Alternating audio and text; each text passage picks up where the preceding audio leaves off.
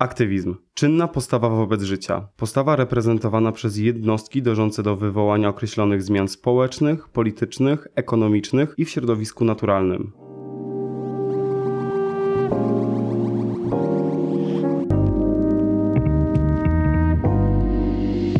Siemanko! Z tej strony Krzysztof Neldner z Fundacji Greenpeace Polska.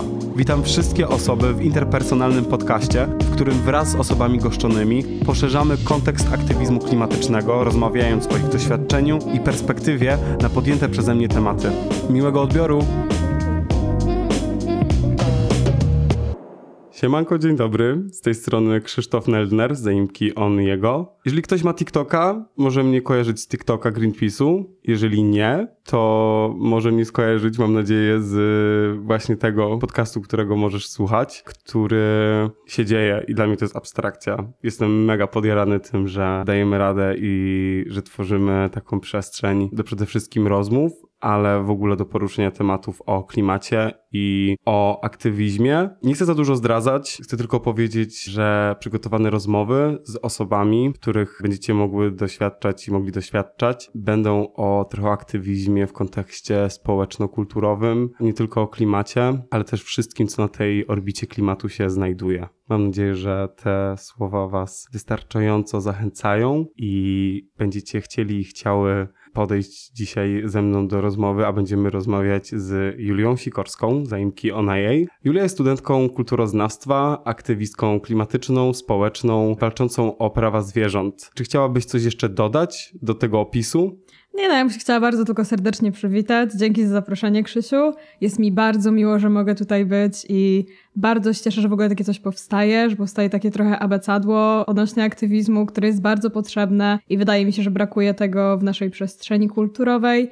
Więc jestem mega podekscytowana i mam nadzieję, że nie skończycie tylko na słuchaniu tego jednego odcinka, tylko będziecie słuchać dalej, bo Krzychu przygotował naprawdę świetną robotę. Tak, tak, tak, tylko jeszcze nie, nie, nie o wszystkim, bo jak się zespoileruję, to już nie będzie takiej samej frajdy. Właśnie też napomknęłaś o tej przestrzeni kulturowej i ja mam w sumie pytanie, jak tobie idzie odnajdywanie aktywizmu w kulturze? W sensie, to nie jest taki charakterystyczny trop. Zazwyczaj, kiedy myślimy o aktywizmie, mamy w głowie oczywiście klimat, mamy zmiany społeczne, mamy coś, co się dzieje na scenie politycznej, ale czy nasze skojarzenia mogą i są łatwe do odnalezienia w przestrzeni kultury, kulturoznawstwa? Generalnie to jest ciężkie pytanie, ja sobie bardzo też często zadaję, co taki kulturoznawca, w ogóle humanista, mhm. może zrobić na przykład dla klimatu. No i odpowiedzi można szukać wszędzie, bo czym jest kultura? No, generalnie to jest bardzo skomplikowana rzecz dla kulturoznawcy, bo definicji kultury jest bardzo dużo mhm. i nie mhm. chcę tutaj ich przytaczać, bo myślę, że będziemy tracić trochę czas. Ale biorąc pod uwagę, że tak naprawdę kultura jest wszystkim. To jest wszystko, co człowiek wytworzył, ale nie tylko to, co człowiek wytwarza, tylko to, co znajduje się wokół niego, czyli też klimat, czy zwierzęta, czy w ogóle takie społeczne sprawy, które człowieka dotyczą. No więc patrząc na to w takim szerszym kontekście, no to co może zrobić taki humanista, kulturoznawca dla klimatu? No i są takie nurty jak ekohumanistyka, gdzie kulturoznawca może się odnaleźć i też może opisywać te zjawiska. Chociażby artywizm, czyli no jakby działanie, które człowiek wytwarza poprzez sztukę, mhm. może je opisywać. Jest to czasem też trochę trudne na przykład dla mnie w takim kontekście, no że jednak nie jestem biologiem, nie jestem klimatologiem, więc nie mogę się wypowiadać szczegółowo na wszelkie tematy związane z klimatem, no bo nie posiadam takiej wiedzy, ja cały czas się dokształcam, tylko że to i tak jest cały czas za mało, bo tych danych jest coraz więcej, a ludzie jakby coraz mniej robią. Chociaż mhm. nie chcę tutaj też dawać takiego ziarenka braku nadziei, bo tej nadziei jest w nas nie, sporo. Nie, oczywiście, tylko musimy mieć po prostu świadomość tego, że problemów przybywa i jakby wiemy oczywiście, że jest coraz więcej zaangażowanych osób i naprawdę to jest moment na docenienie tej pracy i mam nadzieję, że to dzisiaj też wybrzmi w trakcie tej rozmowy,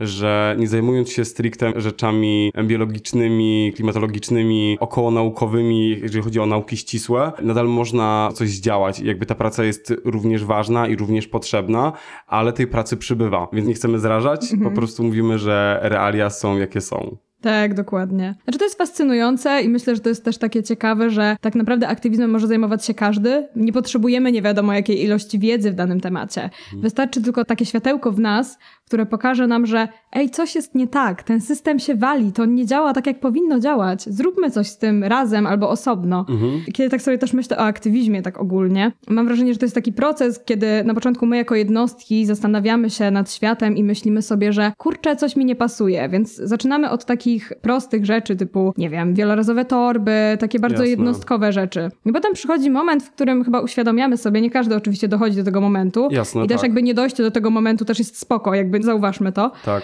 E, I dochodzimy do tego momentu, w którym myślimy, że fajnie by było to robić też z innymi ludźmi, że to też jest ciekawe, że jakby możemy razem zdziałać więcej i też jakby ruchy nie tylko na rzecz klimatu, tylko ruchy ogólnie społeczne pokazują nam w historii to, że razem naprawdę potrafimy zdziałać więcej. A jeżeli już mówimy o tej historii, to też trochę rozmawialiśmy przed nagrywaniem Mhm. i próbowałem zarzucić jakieś takie tematy. I czy da się naznaczyć albo dać jakieś cezury dla początków aktywizmu? Jakby to jest takie trochę pytanie pod włos, bo chyba sobie w tym momencie na pewno my zdajemy sprawę, może niektóre osoby słuchające również, że to nie jest łatwe. To nie jest łatwe wyznaczyć początki aktywizmu, ponieważ aktywizm to jest po prostu po pierwsze nieposłuszeństwo obywatelskie, po drugie działanie na rzecz społeczności, społeczeństwa i my mamy tego zalążki już od naprawdę dawnych, dawnych czasów. No to chociażby rewolucja francuska. Mhm. To jest jakby też taki, myślę, że bardzo dobry przykład, który był wiele, wiele lat temu, a jednak pokazuje nam, że ten bunt w nas jest. I ludzie zawsze się buntowali na tyle, ile oczywiście mogli się buntować. Mhm. Bo no wiadomo, że system jakby może nas zniewalać i nie pozwalać nam do tego, ale chociażby w takich malutkich kroczkach jesteśmy w stanie to zrobić. Więc jeżeli chodzi o historię aktywizmu, no to możemy tylko opierać się na paru przykładach, które zaraz przytoczę, jakie tutaj znajdę. Okej, okej. Bo sobie... Julia e, zrobiła research. zrobiłam jest tak research. przygotowana i ja się jeszcze dodatkowo tym jaram, bo jakby researchowanie to jest w ogóle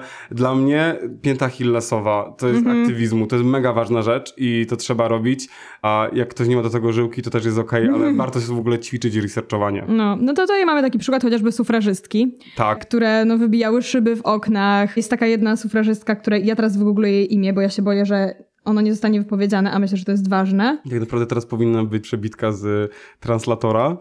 E, jakiego pochodzenia jest ta osoba? Z Wielkiej Brytanii. To nie powinno być aż tak źle. Gorzej jak są te francuskie. Tak, to jest taki bardzo w ogóle drastyczny ruch aktywistyczny, do którego nie zachęcam. Emily Whiting Davison, która zmarła w 1913 roku, 8 czerwca w Epsom i ona poniosła śmierć w wyniku obrażeń, jakie odniosła w wypadku 4 czerwca podczas gonitwy, gdzie wpadła pod konia. I generalnie ona specjalnie wpadła pod tego konia, po prostu się Okej. pod niego rzuciła. I nie zachęcamy do takich działań, żeby nie było, Nie, bo nie, nie. ważne jest to, żeby dbać o swoje dobro psychiczne i w ogóle o swój dobrostan życiowy w aktywizmie. Znaczy, to też mi się trochę wydaje taka rzecz, która od niedawna gdzieś zaistniała w aktywizmie, bo ja trochę słysząc tę historię, jestem sobie w stanie wyobrazić, może nie dokładnego stanu emocjonalnego, ale rozumiem, że ta osoba naprawdę już nie miała trochę narzędzi do robienia czegoś takiego. Może przez kwestię czasów, systemu, bo teraz mamy naprawdę dużo narzędzi i pól do działania, ale że ta osoba była już po prostu zdesperowana dla jakiejś sprawy.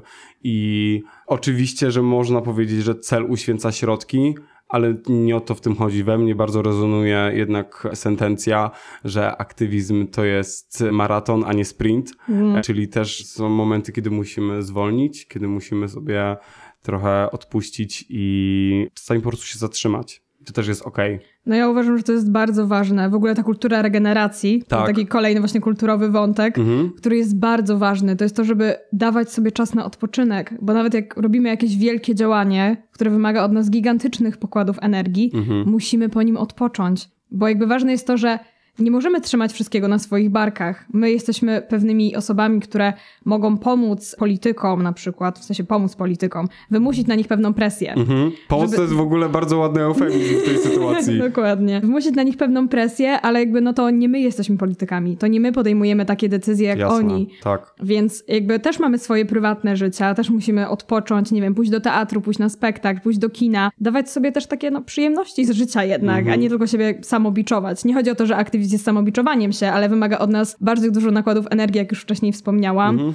I możemy dojść do takiego momentu, kiedy samobiczujemy się, odkładamy wszystkie swoje przyjemności życiowe. Ale odnośnie teraz też to jest taki wątek, jeżeli chodzi o sufrażystki pierwszej fali feminizmu, no można im zarzucić to, że one nie były intersekcjonalne. To jest generalnie coś, ten wątek, Okej, który uwaga, pojawi teraz, się później. teraz zapisujemy w słownikach słowo intersekcjonalność, bo intersekcjonalność to jest tak naprawdę przestrzeń, która łączy ze sobą wątki. Może w pierwszej myśli nie są tak oczywiste, ale się później okazuje, że są ze sobą bardzo skorelowane. Dlatego ja bardzo lubię też mówić, że wszystko, co jest na orbicie klimatu, ponieważ klimat łączy chyba wszystko. No, zgadzam się w 100%, ale odnośnie sufrażystek, to były w większości kobiety, które miały przywilej, Mhm. które miały bogatych mężów, były białymi kobietami i mogły sobie pozwolić na to, że jest bunt. Ich mężczyźni w większości zarabiali dosyć spore pieniądze, więc jakby no, nie potrzebowały tej pracy. Mhm. Zaś kobiety, które były czarnoskóre, które musiały pracować w większości w fabrykach, które nie miały tego przywileju jak one, nie mogły się buntować. No i białe kobiety z tej klasy średniej nie brały pod uwagę oczywiście czarnoskórych kobiet. I i tutaj jakby ta intersekcjonalność zanika. I jest też takie... To Też jakby chciałbym zaznaczyć, bo ja sobie w ogóle teraz myślę, że dla osób, które może jeszcze tego nie dostrzegają, tutaj intersekcjonalność jakby dzieje się dlatego, że oczywiście sufrażystki walczyły o równość płci. Była poruszona kwestia, jak dominują ich mężczyźni, przywilej męski, patriarchat, a zanikał kompletnie ten wątek klasowy, więc intersekcjonalność w tym momencie łączyłaby obie te przestrzenie i dzięki temu jakby po prostu kobiety bez względu na tą Trochę, czy to nie jest mansplaining? Teraz myślę o tym. Nie, to nie jest mansplaining krzyku. Nie, nie, nie. Jakby it's fine, ty dopowiadasz. Jakby ja zaczęłam wątek, nie robisz mi mansplainingu, nie czuję się. Dobrze, dobrze. Więc jakby spoko. Generalnie też jakby intersekcjonalność można porównać do takiego, przynajmniej tak mi się wydaje, kiedy mamy jakieś wydarzenie typu wypadek samochodowy i bierzemy pod uwagę tylko jednego kierowcę, który, no przypuśćmy, że ma większy przywilej, bo jest białym heteromężczyzną. Mhm. No i jakby bierzemy wszystkie jego zeznania tylko pod uwagę. O, przypuśćmy, że zderzył się z kobietą, która w ogóle, nie wiem, jest jeszcze lesbijką, jest czarnoskóra i w ogóle jakby jest w takiej największej mniejszości, jaka istnieje. Tak, to w ogóle jest jeszcze trans kobieta. I oczywiście jest to, że policjant weźmie tylko jego sprawę pod uwagę, a nie spojrzy na jej drugą perspektywę. Więc Mhm. jakby intersekcjonalność zamyka mi się w tym, że nie bierzemy pod uwagę tej całości problemów, które istnieją, tylko skupiamy się na tym jednym problemie. Jasne. Nie wiem, czy to jest dobre porównanie. tak, Moim, y, zdaniem, moi, moim zdaniem tak, to jest po prostu pewne ograniczenie tych światopoglądów i trochę tych perspektyw. Mhm. Więc tak, wydaje mi się, że przykład z autem jest dosyć spoko. Dobra, super. No to jeszcze możemy sobie poopowiadać inne rzeczy z historii aktywizmu, bo czemu by nie? Ale tak, gdybyś może teraz z głowy dała radę wymienić chyba takie najważniejsze Mhm. trochę wydarzenia, które kształtowały ten nasz aktywizm współczesny. No Mhm. bo oczywiście gdzieś sobie rozeznaliśmy, rozeznałyśmy, przytoczyłaś przykład rewolucji francuskiej, Mhm. która miała w sobie zalążki buntu i gdybyśmy chcieli, chciały to jakoś te schematy przełożyć na dzisiejszy aktywizm, pewnie by się to znalazło. Byśmy, Pewnie tak, mhm. Dalibyśmy, dałybyśmy radę. Ale no aktywizm wydaje mi się, że jest bardzo współczesną rzeczą. Jest taką rzeczą, która została zdefiniowana współcześnie i która przynależy właśnie do naszych czasów. I czy są właśnie wydarzenia, które najbardziej jakby gdzieś powiększyły te przestrzenie aktywistyczne, najbardziej nadały im rozpędu, kształtu? Znaczy mi się wydaje, że to jest też kwestia globalizacji, tego, że po prostu jesteśmy w stanie się ze sobą kontaktować jednak internetowo, przez telefon i tak dalej. I przez to, że ruchy różne, czy klimatyczne, czy społeczne, są w stanie jakby ogłaszać się w internecie, że w ogóle istnieją, przez co inne osoby mogą się nimi zainteresować, media o tym bardziej mówią, no i jednak to wszystko się powiększa coraz bardziej. Takim ciekawym przykładem, e, myślę, że w Polsce jest w ogóle rozwinięcie się ruchów klimatycznych, bo to jest e, dosyć świeża historia Tak. czy młodzieżowy strajk klimatyczny, czy potem Extension Rebellion, czy Greenpeace, który jest chyba, możesz mnie poprawić, bo myślę, że mogę się tutaj mylić, bo wiesz więcej niż ja, który jest no chyba już dłużej w Polsce zdecydowanie, tylko że takie nasilenie chyba to jest około 2018 roku. Tak, no to się akurat zgadzam. Wiemy dobrze, że swoje rączki w tym maczała Greta i mówię to trochę żartując, ale naprawdę to jest osoba, która zapoczątkowała ten cały ruch. Oczywiście on teraz ewoluuje.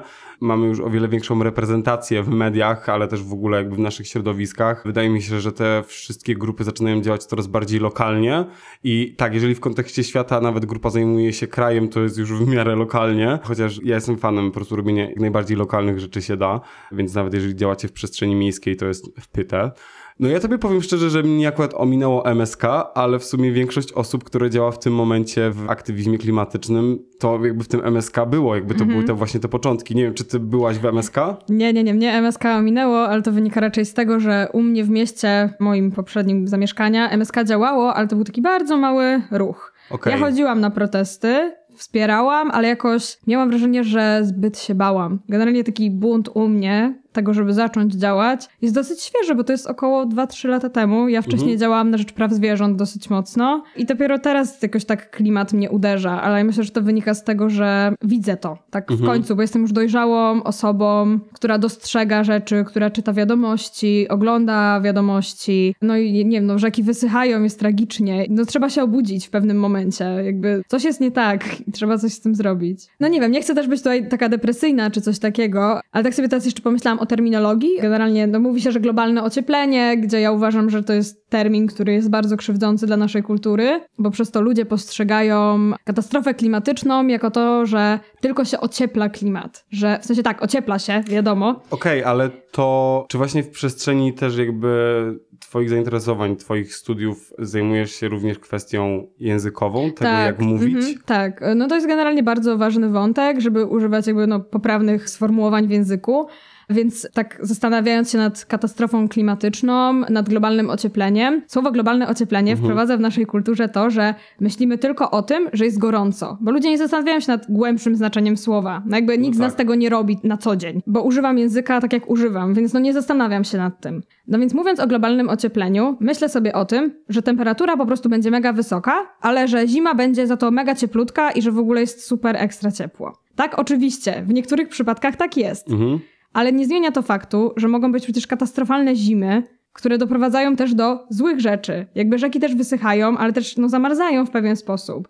Lodowce się topią, that's fine, ale mhm. to nie jest jakby tylko ten jeden problem, dlatego powinniśmy używać słowa, przynajmniej moim zdaniem, katastrofa klimatyczna, bo to jest katastrofalne wydarzenie, które wyniszcza całą planetę na różnych płaszczyznach. Tak, no też jakby w ogóle rozgraniczenie tego, że na razie jesteśmy jeszcze na etapie jeszcze kryzysu klimatycznego, który płynnie i coraz szybciej przechodzi jakby w ten moment katastrofy klimatycznej i to też jest dosyć ważne w kwestii językowej, albo tak jak to komunikować, że no my w tym momencie niektóre już skutki kryzysu klimatycznego są nieodwracalne, więc my jedynie możemy zmniejszać te skutki, możemy trochę jakby, trochę wybrać mniejsze zło tak mhm. naprawdę w sytuacji, w której teraz jesteśmy. Ja mam też w ogóle pytanie o tę intersekcjonalność, bo oczywiście wiemy, że możemy łączyć wątki, możemy szukać sieci połączeń. Czy kiedy wchodziłaś w kwestię intersekcjonalności, albo po prostu w twojej świadomości to zaistniało, ej, jakby te kropki się łączą, czy było jakieś takie połączenie, które dla ciebie było zaskakujące? Ja, ja mam takie, ja mam mhm. parę takich przykładów, ale czy dla ciebie któreś połączenie, że nagle to się łączy z klimatem, było dla ciebie takie, o wow, nie, mhm. nie myślałam o tym w ogóle. No to jestem kobietą, jestem wychowana na kobietę, jakby cały mhm. czas czułam to, że nie mam tego przywileju, tak jak biały heteromężczyzna, więc no ten wątek jakby odczuwałam całe życie i niestety spotkała mnie sytuacja, i to w ogóle było w ruchu klimatycznym, mhm. kiedy jeden mężczyzna zrobił mi bardzo duży mansplaining odnośnie tego, że jestem kobietą, i że ja wiem mniej i nie powinnam się wypowiadać w danym temacie odnośnie spraw klimatycznych. I wtedy dopiero zaczęłam analizować tak bardzo intersekcjonalnie te rzeczy.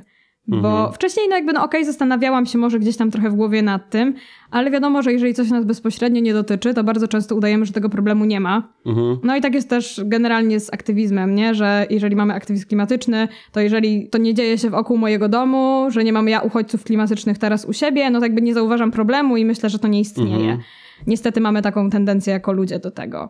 No więc ja myślę, że podobnym schematem działałam ja. Nie zastanawiałam się nad tym, że coś może być nie tak. Więc w momencie, w którym uderzyło mnie to bezpośrednio, zdałam sobie sprawę, że kurczę, coś jest nie tak. I zaczęłam o tym czytać, zaczęłam o tym czytać, że w ogóle kobiety no mają gorzej, jeżeli chodzi o katastrofę klimatyczną. W sumie mają taką tragiczną sytuację, bo przez patriarchat nie są w stanie, no nie wiem, uciec na przykład do innego kraju, jeżeli tak, chodzi o tak, uchodźstwo tak. klimatyczne. To też jakby warto o tym myśleć w kontekście regionów, ale też religii, które tam panują. Oczywiście patriarchat nad tym wszystkim wisi no ale są na przykład w krajach, nie wiem, afrykańskich czy azjatyckich będą te problemy, nie tylko same skutki kryzysu klimatycznego, takie zauważalne w przyrodzie, w naszych ekosystemach, ale znowu, kiedy będą wojny o zasoby, to niestety przywilej męski może wygrać w tej sytuacji mm. i no ta sytuacja kobiet będzie gorsza, no, po prostu dokładnie. powiedzmy, że gorsza. A jakie są jakby twoje spostrzeżenia w takim razie? Ja byłem mega zaskoczonym tym, jak można połączyć queer i klimat, mm -hmm. że jednak osoby queerowe, de facto w pewnym momencie dochodzisz do pewnego schematu, którym wiesz, że po prostu osoby mniej uprzywilejowane będą również mniej uprzywilejowane w trakcie katastrofy klimatycznej. Kiedy wali nam się cały świat na głowę, te przywileje będą. Jakby nie ma sytuacji, w której będzie panować ta równość, no chyba, że my drogą edukacji, drogą systemową jakby sobie to jakoś unormujemy, ale nawet kiedy będzie nam się walił cały świat na głowę, nie możemy do końca się czuć bezpieczni i bezpieczna. Mówię to z perspektywy osoby z jednej strony z przywilejem męskim, z drugiej strony bez przywileju bycia hetero, mm. więc ja gdzieś tym umykam tym patriarchalnym przywilejom. Więc to jest chyba coś, co mnie uderzyło, kiedy myślałem o tej intersekcjonalności. Z jednej strony chciałbym zmienić ton, bo doszedłem w jakieś naprawdę mroczne mm. tony, jeżeli chodzi o naszą rozmowę, ale też chciałbym kontynuować wątek, który gdzieś tam po drodze zahaczyłaś na temat tego buntu. Moim mm. zdaniem bunt jest czymś takim mega ciekawym, też ciekawie opisywanym w, w kulturze, bo zawsze bunt nam się kojarzy z jakimś młodym pokoleniem, mm. ze mhm. zmianami, a wydaje mi się, że bunt powinien być bardziej uniwersalny, bardziej znormalizowany. On też nie musi być od razu agresywny i przemocowy, bo z tym jest trochę kojarzony. Jakie ty masz odczucia względem buntu, który jest jednak trochę motorem napędowym w, mm -hmm. w aktywizmie? No jest, bardzo mocnym.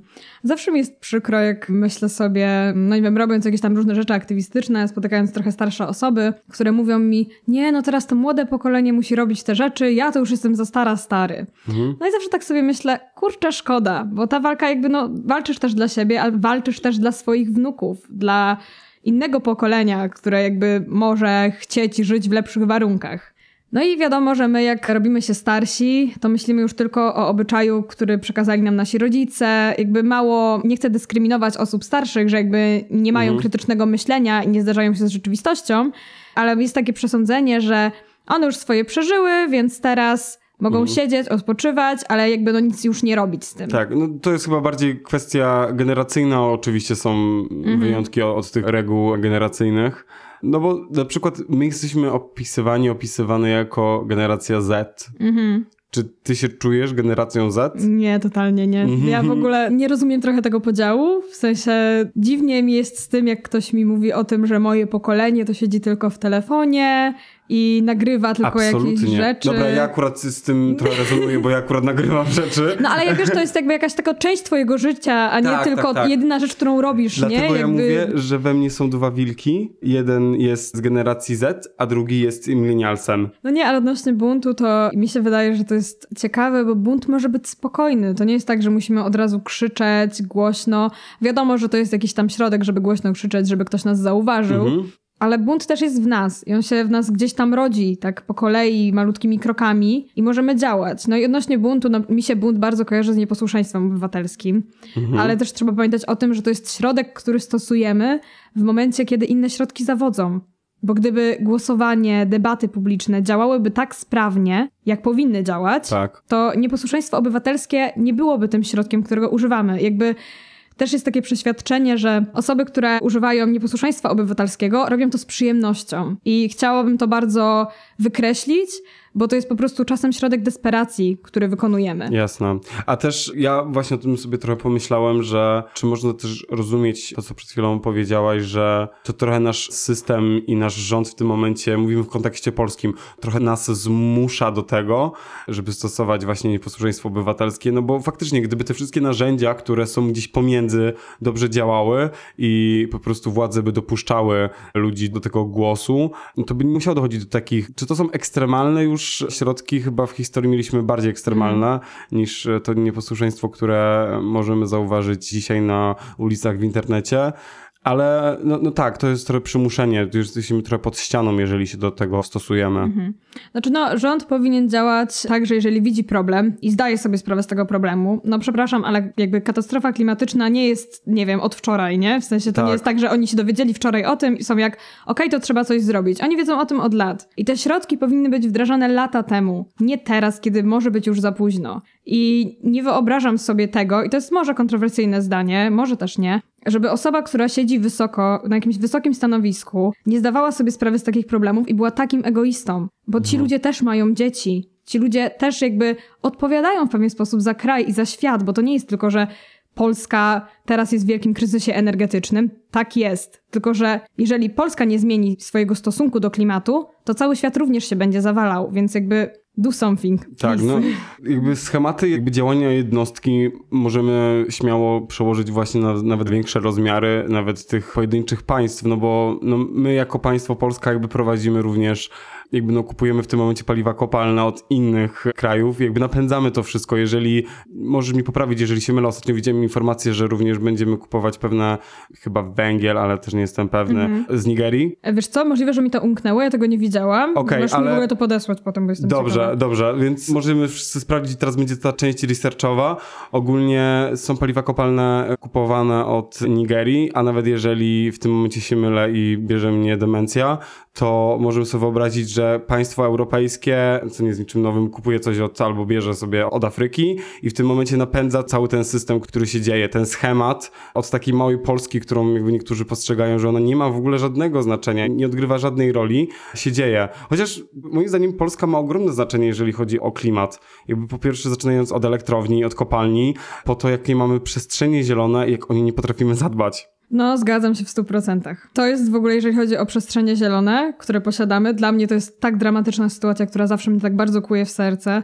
Te wszystkie blokady, które istniały, blokada Wilczyce, mm. która istniała, która już nie istnieje i to, że kraj przyzwala sobie na to, żeby wyniszczać rzecz tak bardzo ważną. Turyści przyjeżdżają, żeby zobaczyć nasze lasy, żeby zobaczyć ten jakby naturalny ekosystem, który istnieje, a my go sobie wycinamy, bo komuś się zachciało, żeby tak zrobić.